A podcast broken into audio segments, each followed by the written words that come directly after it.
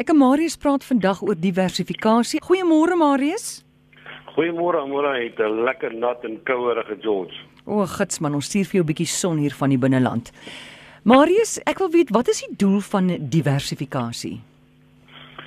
Weet jy, die oomblik wanneer mense in jou beleggings begin diversifiseer, dan wil jy wat jy wil regkry is jy wil 'n langtermyn opbrengs kry en maar jy wil oor die kort termyn minder wisselvalligheid hê. Met ander woorde, as ek nou net in aandele belê en die hele aandelebeurs val met 30%, dan beteken dit my hele portefeulje val met 30%.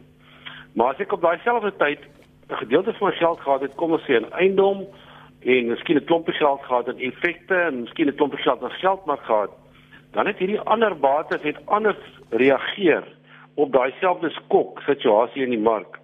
En dan beteken dit net my aandele gedeelte het dan nou 30% geval terwyl die ander het miskien net met 2 of 3 of 4 of 5% geval of dalk glad nie geval nie of dalk gestyg.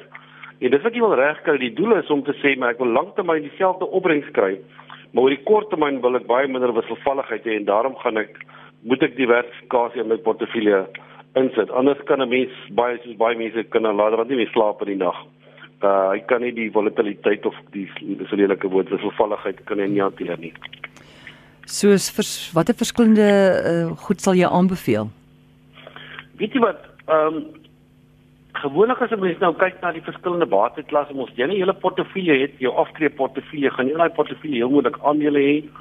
Jy gaan staatseffekte, jy gaan eiendomme, jy gaan kontante, jy gaan ook geld in die buiteland hê.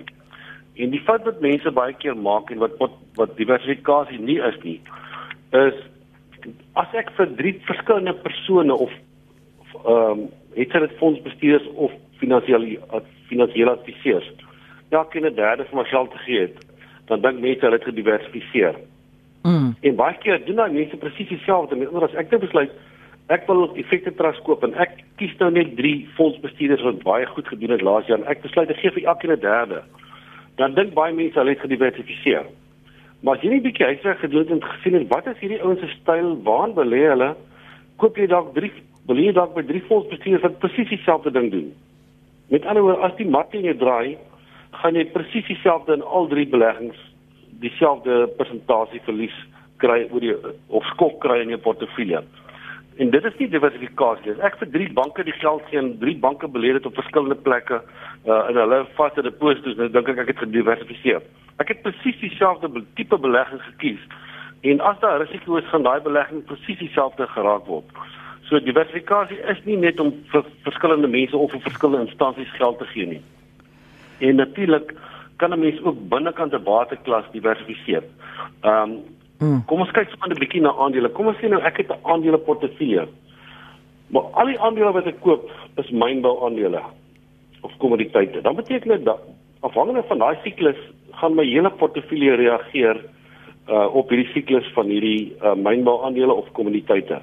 Met ander woorde, as dit 'n goeie 3 jaar is, gaan ek 'n goeie tyd tyd hê met portefeulje gaan 'n goeie opbrengs kry. Maar as dit 'n swak 3 jaar is, gaan ek vir daai hele 3 jaar baie swak doen. Maar as ek in daai selfde portefeulje ook tegniese aandele kry, ehm um, wat beteken hulle reageer anders, hulle hulle reageer nie soos wat die mark reageer met ander woorde as die wêreld uh, ekonomie groei en daar's 'n vraag vir vir hulpbronne en vir roumateriale, dan beteken dit ek gaan goed goed doen by mynbou aandele. Maar as dit swak gaan, dan beteken dit nie noodwendig dit gaan swak met tegnologie aandele nie. Dis dieselfde met finansiële aandele. Banke het ander finansiële instellings en is ook dieselfde met industriële aandele. Met ander woorde, ek kan 'n Richmond besit, ek kan 'n 'n Naspers besit en indien dit swak gaan met sekere ander aandele kan hulle nog altyd goed doen, maar in ander ek kan binnekant my spesifieke bateklas. Al het ek net een bateklas, kan ek moet ek diversifiseer. Ehm um, as ek miskien na eiendom kyk, ja. as jy nou eiendomsaandele koop op die aandelebeurs, dan kry jy maatskappye wat baie sterk is. Hulle besit baie winkelsentrums. Ander maatskappye besit miskien baie stoorruimte. Hulle belê meer daarin. Ander maatskappye besit miskien kommersiële eiendom wat hulle verhuur, fabrieke. Dan kry jy maatskappye wat net in IT uh stoor met ander ons dink mos altyd die cloud is in die lug. Die cloud is nie in die lug nie. Daar's 'n groot plaas wat net data stoor. Dis 'n ander manier om te diversifiseer binnekant jou eiendomsportefeulje byvoorbeeld. Uh baie keer kry jy mense wat mos nou maar privaat eiendom koop en hulle koop byvoorbeeld 'n klompie woonstelle wat hulle verhuur. Ehm um, en oor jare kan hulle baie goed gedoen het. Dan kry jy COVID of jy kry spesifieke iets wat in daai spesifieke area gebeur wat beteken dat mense hulle werk verloor. Ehm um, of daar gebeur daar's 'n ontwikkeling wat nie baie goed is vir jou vir jou vir jou belegging of jou gedeelte waarin jy belê en ewe skielik wil niemand meer daar bly nie en gaan die plekke leeg. Dan beteken dit al jou geld in daai spesifieke ehm uh, bate gesit en jy het glad nie gediversifiseer nie in plaas van om te sê maar ek gaan nie net op een dorp dalk woonstel hê nie, ek gaan op verskillende dorpe hê of ek gaan dalk nie net woonstel hê nie, maar ek gaan dalk ook 'n bietjie kommersiële spasie soek waar miskien ehm uh, iemand wat 'n klein fabriek het dit dit kan gebruik. So binnekant my waterklas moet ek ook diversifiseer. As jy kyk na effekte, baie keer dink mense as jy nou effekte koop, jy koop net staatseffekte, maar daar's ook banke wat effekte uitreik. Daar's ook groot maatskappye wat geld leen wat effekte uitreik. Jy kan ook byvoorbeeld inflasie gekoppelde effekte kry. Met ander binnekant elke waterklas moet jy nog altyd diversifiseer. Jy gaan nie net een uh, een rigting, soos hulle sê, een rigting bet maak. Ehm um, en dit belangrik om reg te kry. Natuurlik sit jy dan nog ook met die buiteland.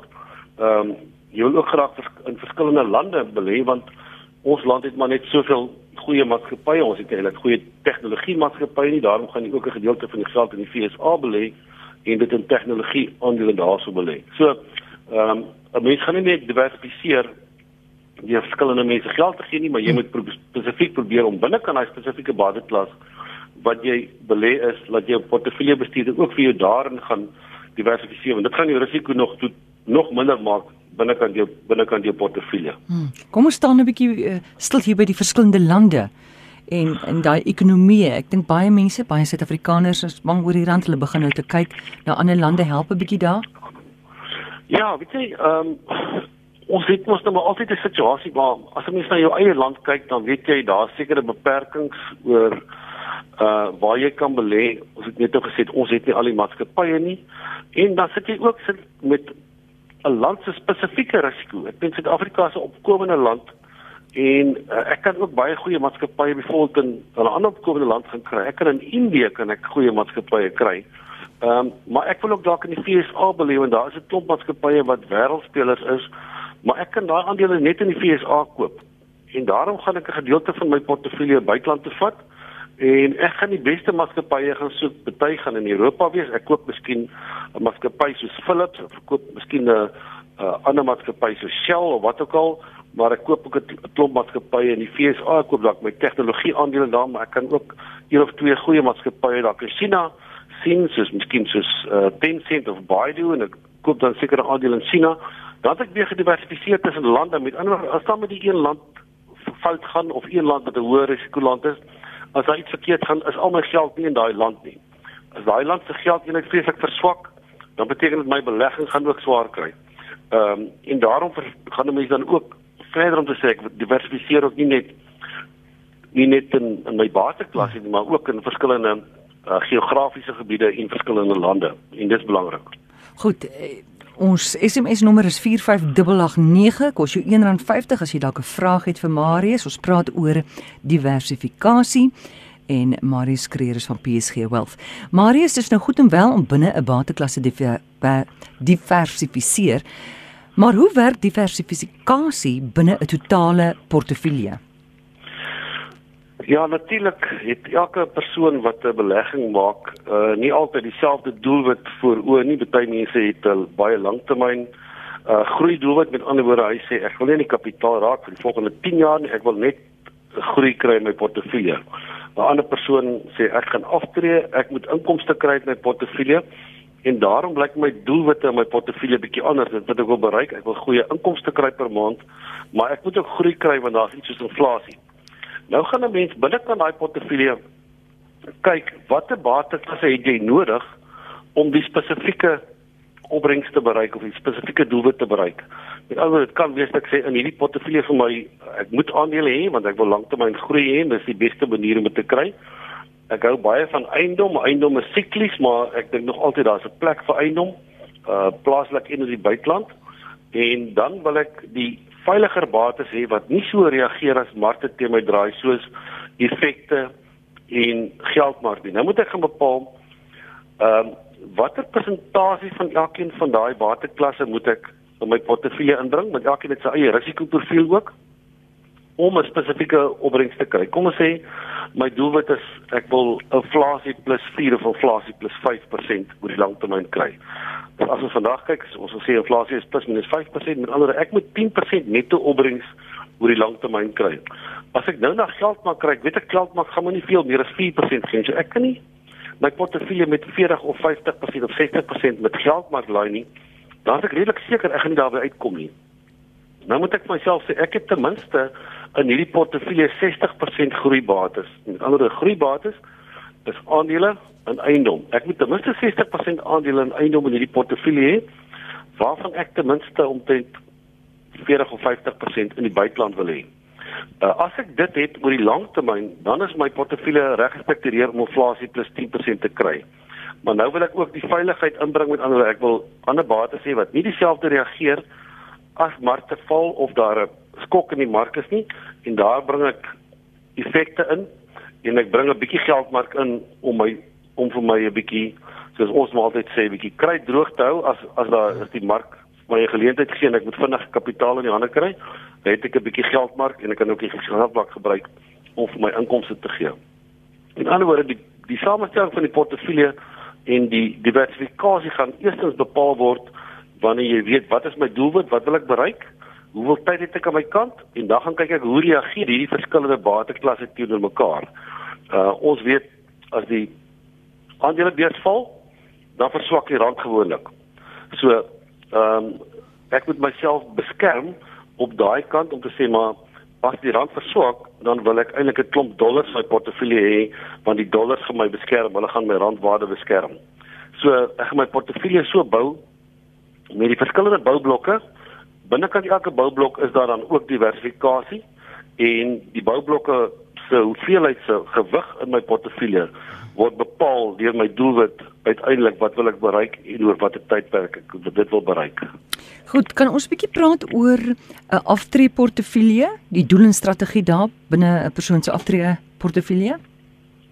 Ja, ek dink dit is baie belangrik om 'n uh, goeie diversifikasie in 'n aftree portefeulje die ek dink mense wat afgetree is, ehm um, wil nie in 'n situasie wees waar hulle sien hulle hele portefeulje vol met 20 of 30% oor 'n maand of twee of drie maande nie. So mense wil die nodige uh, verskansing inbou en met ander in 'n af, tipiese aftrede portefeulje gaan 'n mens om 'n inflasie teiken te haal van inflasie plus 5 gaan jy tipies net 60% aandele uh moet hê om daarby uit te kom, baie keer 'n bietjie meer. Ehm uh, en natuurlik in hierdie proses gaan jy ook kyk na nie net die spesifieke bateklas se se werking teenoor die ander bateklas met ander is hy gekorreleer of nie. Jy gaan ook kyk wat is die waardasie op hierdie stadium. Met ander as ons dan nou 'n portefeulje saamstel ons dink aandele is baie duur. En gewoonlik sou ons 60% aandele in die portefeulje gehad het, sou ons dalk net begin nou met 40% en ons wag vir 'n geleentheid wanneer die mark 'n bietjie terugkom om daai 40% op te vat na 60% waar ons graag wil wees. Ehm um, in hierdie aftree portefeulje moet ons 'n veiligheidsnet skep waar ons vir mense moet inkomste betaal. Ons kan nie inkomste betaal uit 'n aandeleportefeulje wat wisselvallig is met ander as die mark nou 30% geval het en ek moet vir jou inkomste betaal uit dan beteken dit ek verkoop eintlik hierdie aandele teen 30% goedkoper dan ek moet 30% meer aandele verkoop vir dieselfde inkomste te gee. Ons kan dit nie doen nie. Met ander woorde, ons moet 'n veiligheidsnet skep en daar wat ons daar doen is ons skep plus minus 3 tot 5 jaar se geld wat ons vir jou moet as inkomste betaal, wil ons nie 'n risikobates hê nie. Nou met ander ons gebruik staatseffekte en ons gebruik geldmark daarvoor. So vir 3 tot 5 jaar afhangende van jou behoeftes van hoeveel inkomste jy gaan trek gaan ons dit tot 5 jaar se kapitaal in daai twee bateklasse belê. Nou het ons bietjie tyd gekoop. Ons het dan al 5 jaar tyd gekoop en nou kan ons met daai geld wat ons risiko wil neem, het ons 'n bietjie tyd aan ons kant en nou kan ons begin die ander boublokke bysit van neem af in jou aftrede portefeulje van aandele, kom ons sê plus minus 60% en miskien 'n 15% uh, eiendom waarvan dalk 5% in die buiteland is en 10% plaaslik. Ehm um, daai portefeulje gaan nie vir almal presies dieselfde lyk nie, want onthou net uh as jy nou aftree, die een persoon het genoeg kapitaal dat hy net 3% van sy kapitaal hoef te gebruik per jaar. Die ander persoon is in 'n situasie wat hy moet 7 of 8% gebruik. So sy samestelling van sy portefeulje gaan 'n bietjie anders te lyk in hierdie in hierdie portefeulje as die persoon wat net 3% trek per jaar. So dit gaan 'n mens bepaal wanneer jy nou die ontleding doen en jy sien hierdie persoon se spesifieke doelwit uh wat hy wil per maand in sy sak hê, gaan beteken hy moet omtrent kom ons sê 7 of 8% trek wat ons dink wat te hoog is, maar 'n ander persoon gaan sê maar ek het genoeg kapitaal dat as ek 3% daarvan gebruik per jaar het ek het ek genoeg om vir my maandeliks ehm um, deur te vat. So ek dink dis die dis die verskillende maniere hoe jy dit gaan doen, maar binnekant elke strategie gaan jy probeer om diversifikasie toe te pas binnekant jou bateklas, maar ook binnekant jou totale portefeulje. Marius, en watter raad het jy vir 'n jonger persoon wat net groei op haar kapitaal wil hê? Ja, jonger persoon wat net groei wil hê, gaan nog altyd uh net in groei bates wil hê met ander woorde aandele en eiendom en plaaslik en in die buiteland en weer eens diversifiseer jy dan ook tussen tussen verskillende lande.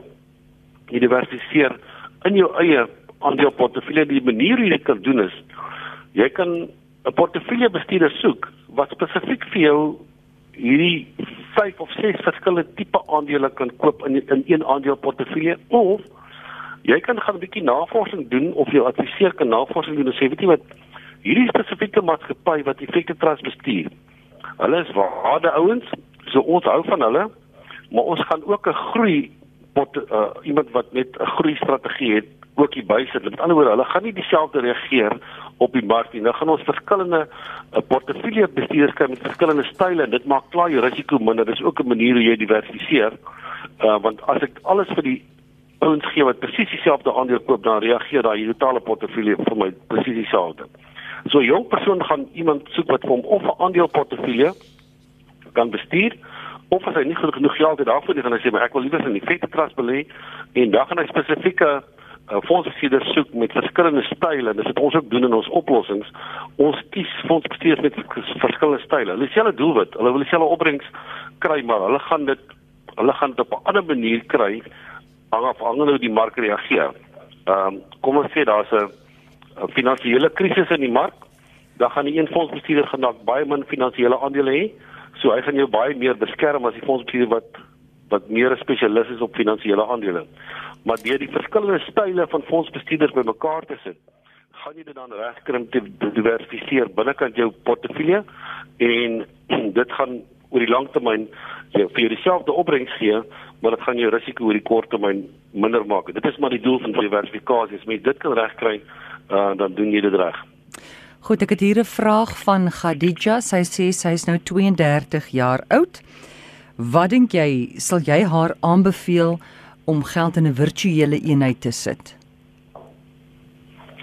Ehm um, ek is nie 'n voorstander van virtuele eenheid nie. Ehm um, want ek het gesien dat die die risiko verbonde mense verstaan dit nie. Ehm um, uh, mense het, ek het hierdie week weer gesien hoe van daai van daai uh, virtuele eenhede het so met 30% geval. Nou as 'n mens nie daai tipe van risiko in jou portefeulje wil hê nie, hmm. ehm um, dan maak dit vir my sin nie. Ek dink mense verstaan dit nie.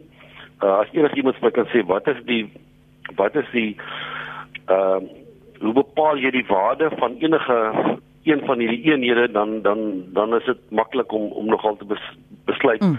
is die ding nou het hy goeie waarde kan ek self maak of nie maar niemand kan dit vir jou sê nie want afhangende van wat uh sekere mense gaan tweet gaan bepaal of uh, die ding se prys sommer ja. oornag amper gaan verdubbel en ek dink dis dis dis riskant. As mens dit doen dan beteken dit daai deel van jou portefeulje wat jy dit mee wil doen met jy weet jy spekuleer en dan as jy dan 50% verloor dan moet jy jy moet besef jy kan 50% van jou portefeulje of geld verloor. Ek weet so 'n paar jaar terug het Bitcoin geval van 20000 na 7000 dollar en toe het hy weer gegroei na 60 toe.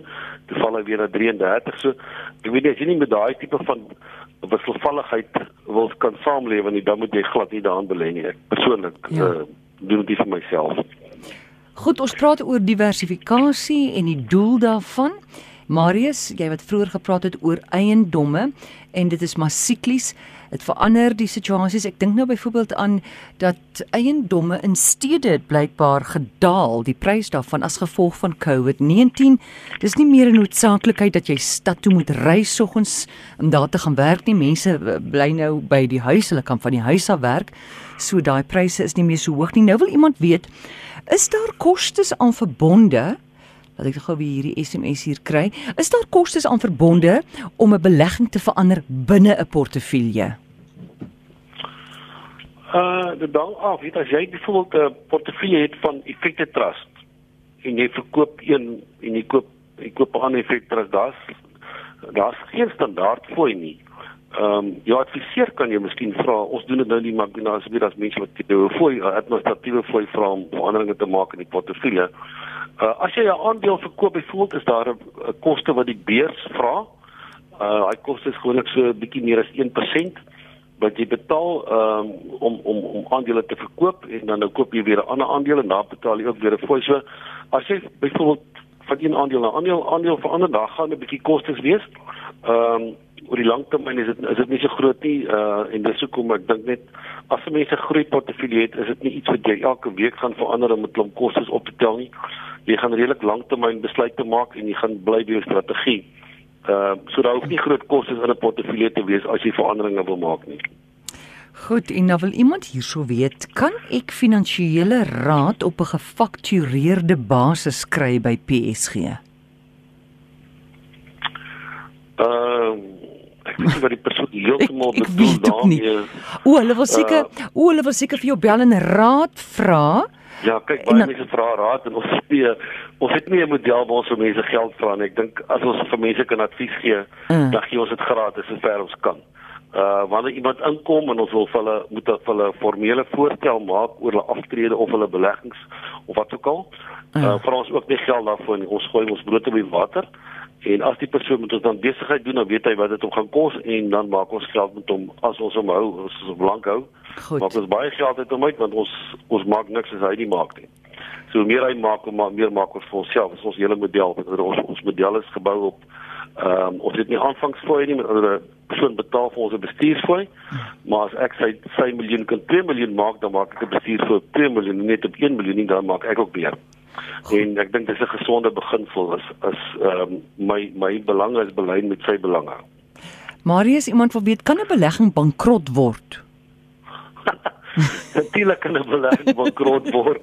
Ek dink die die belegging word nie bankrot nie of die instansie word bankrot waar jy dit belê of die die die maatskappy wat jy miskien wie se aandele koop uh, word dalk bankrot. Ehm um, ons het 'n paar jaar terug het ons gesien dat African Bank mense wat African Bank geld gehad het en ook effekte gekoop het en baie mense dink jy kan nie geld verloor met effekte nie. Ehm um, het dit alles verloor. So daar kan baie keer 'n maatskappy bankrot gaan. Ek dink ehm um, in die verlede was daar baie IT maatskappye so 20 jaar terug, 25 jaar terug, het daar ontsettend baie van hulle gelys en baie van hulle as ek een kon noem, ek kan maar sy naam noem, want hy bestaan nie meer Brainwave almal het baie meer aandele gekoop en hy het gespring van 60 sent na R5.60 of wat ek al. En almal het dit bly koop want hulle het geglo hierdie prys gaan net opgaan. En uh toe hy geval het hy later aan deeltemal verdwyn het. So ja, jy kan jou belegging kan as jy dit wil so noem bankrot raak. Ehm maar dis die manier hoe dit gebeur. Of jou die maatskappy waarin jy belê of maatskappye uh raak bankrot of die land waarin jy belê raak bankrot en jou geld is die geld is laat niks werd nie. Kom ons sê dat jy het nou in Zimbabwe se een van hulle baie goeie myne wat hulle gehad het. Hulle het ook goeie myne. So 30 jaar terug belê toe Zimbabwe se rand 1 rand 30 was of ons het 1 rand 30 betaal vir 'n Zimbabwe dollar en op 'n stadium uh, kan jy 5 miljard nood, nood kry. Dan weet jy hoe belegging het nou eintlik is niks werd nie, maar dis nie omdat die maatskappy bankrot is nie. Dis omdat die land waarin die geld uh, waar die geld wat jy besit hmm. basies net niks werd geword het. En so daar's verskillende maniere hoe jy kan geld verloor in 'n belegging. Uh en dis hoekom jy moet diversifikasie hê. As daar een van jou beleggings as daar iets verkeerd gaan, laat jy op die ander kant ehm uh, ook nog aan van die bates het wat goed gaan doen en want alles gaan nie altyd goed gaan nie. Ek dink uh as iemand vir jou sê al my beleggings, dit gaan so goed met al my beleggings, want jy weet daar gaan iewers gaan 'n bietjie van 'n skok kom. So dit kan nie altyd net goed gaan nie. Daar gaan ook van die beleggings wees wat jy kies in jou portefeulje wat nie altyd so goed soos die ander presteer nie, maar hulle werk is nie altyd dieselfde om te presteer as die ander nie. Baie van hulle se werk is reeds om vir jou 'n bietjie standvastigheid te gee en vir veiligheid te gee, as jy maak tomate van beskerming as die hele mark te mekaar inval en as die wêreld te mekaar inval. Goed, Marius, jy het nou 'n minuut en 'n half. Ons het hier 'n krisis op hande. Nita sê sy het op die ouderdom van 55 uitgetree uit die onderwys. Sy het niks gespaar nie. Hoe belê sy nou haar geld? Ja, ek weet nie wat geld dit van se praat. Hy praat dan seker maar van haar pensioen. Ja. Want sy het nou nie ander geld, dis net haar pensioen nie. O ja. Want iemand iemand moet jou beplanning doen om jou pensioen ten minste goed te berei, die seker maak is jy beskerm jou kapitaal oor die langtermyn en jy kry inkomste wat aan inflasie gekoppel is. Uh, en weer eens as daai beplanning goed gedoen is en diversifikasie is goed gedoen binnekant jou portefeulje, kan jy dit regkry en natuurlik gaan nou ook vir jou advies gegee word oor watter bedrag kan jy trek sodat jy nie jou belegging gaan uitput en dalk op 65 of by 70 agterkom daar's nou nie meer geld oor jou pensioenfonds nie.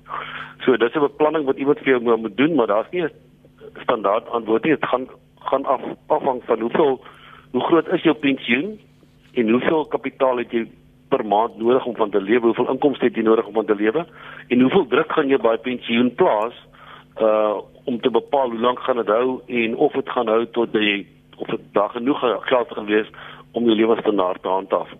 So ek hoop jy vandag eendag het jy in die pensioenfonds belê ten minste die pensioenfonds se geld het as jy nie ander geld gespaar het nie. Maar dit moet ook 'n rooi lig wees vir mense wat sê uh ek het nog nie begin spaar nie. Hmm. Jy wil nie op 'n punt kom waar jy afgetree het en jy op daai stadium kom jy agter uh daar's nie eintlik ander werk wat ek nou kan doen nie of ek is verby my by my ouderdom waar mense my gaan 'n werk of 'n ander pos aanbied en ek het nie genoeg kapitaal nie, dan dan is daar net een ding wat oorbly. Jy hou aan werk op 'n ander plek of jy soek vir jou jy moet vir jou tweede inkomste verdien. Het jy deur 'n besigheid of deur 'n ander salaris wat jy kan verdien. Ehm um, en daarom sien ons baie keer en ek het dit baie in die FSA gesien dat mense werk tot op 70 en 80. Dit hulle het net nie hm. genoeg kapitaal om om af te tree. Sjoe. Okay, laat hierdie gesprek nou vir jou 'n wekroep wees vandag. Moenie langer wag nie. Doen dit so gou as moontlik. Kontak vir Marius. Gee vir ons jou besonderhede. Marius. Uh, hulle kan my skakel by 0861 348 is ons nasionale nommer of hulle kan vir my e-pos stuur marius.creer@psg.co.za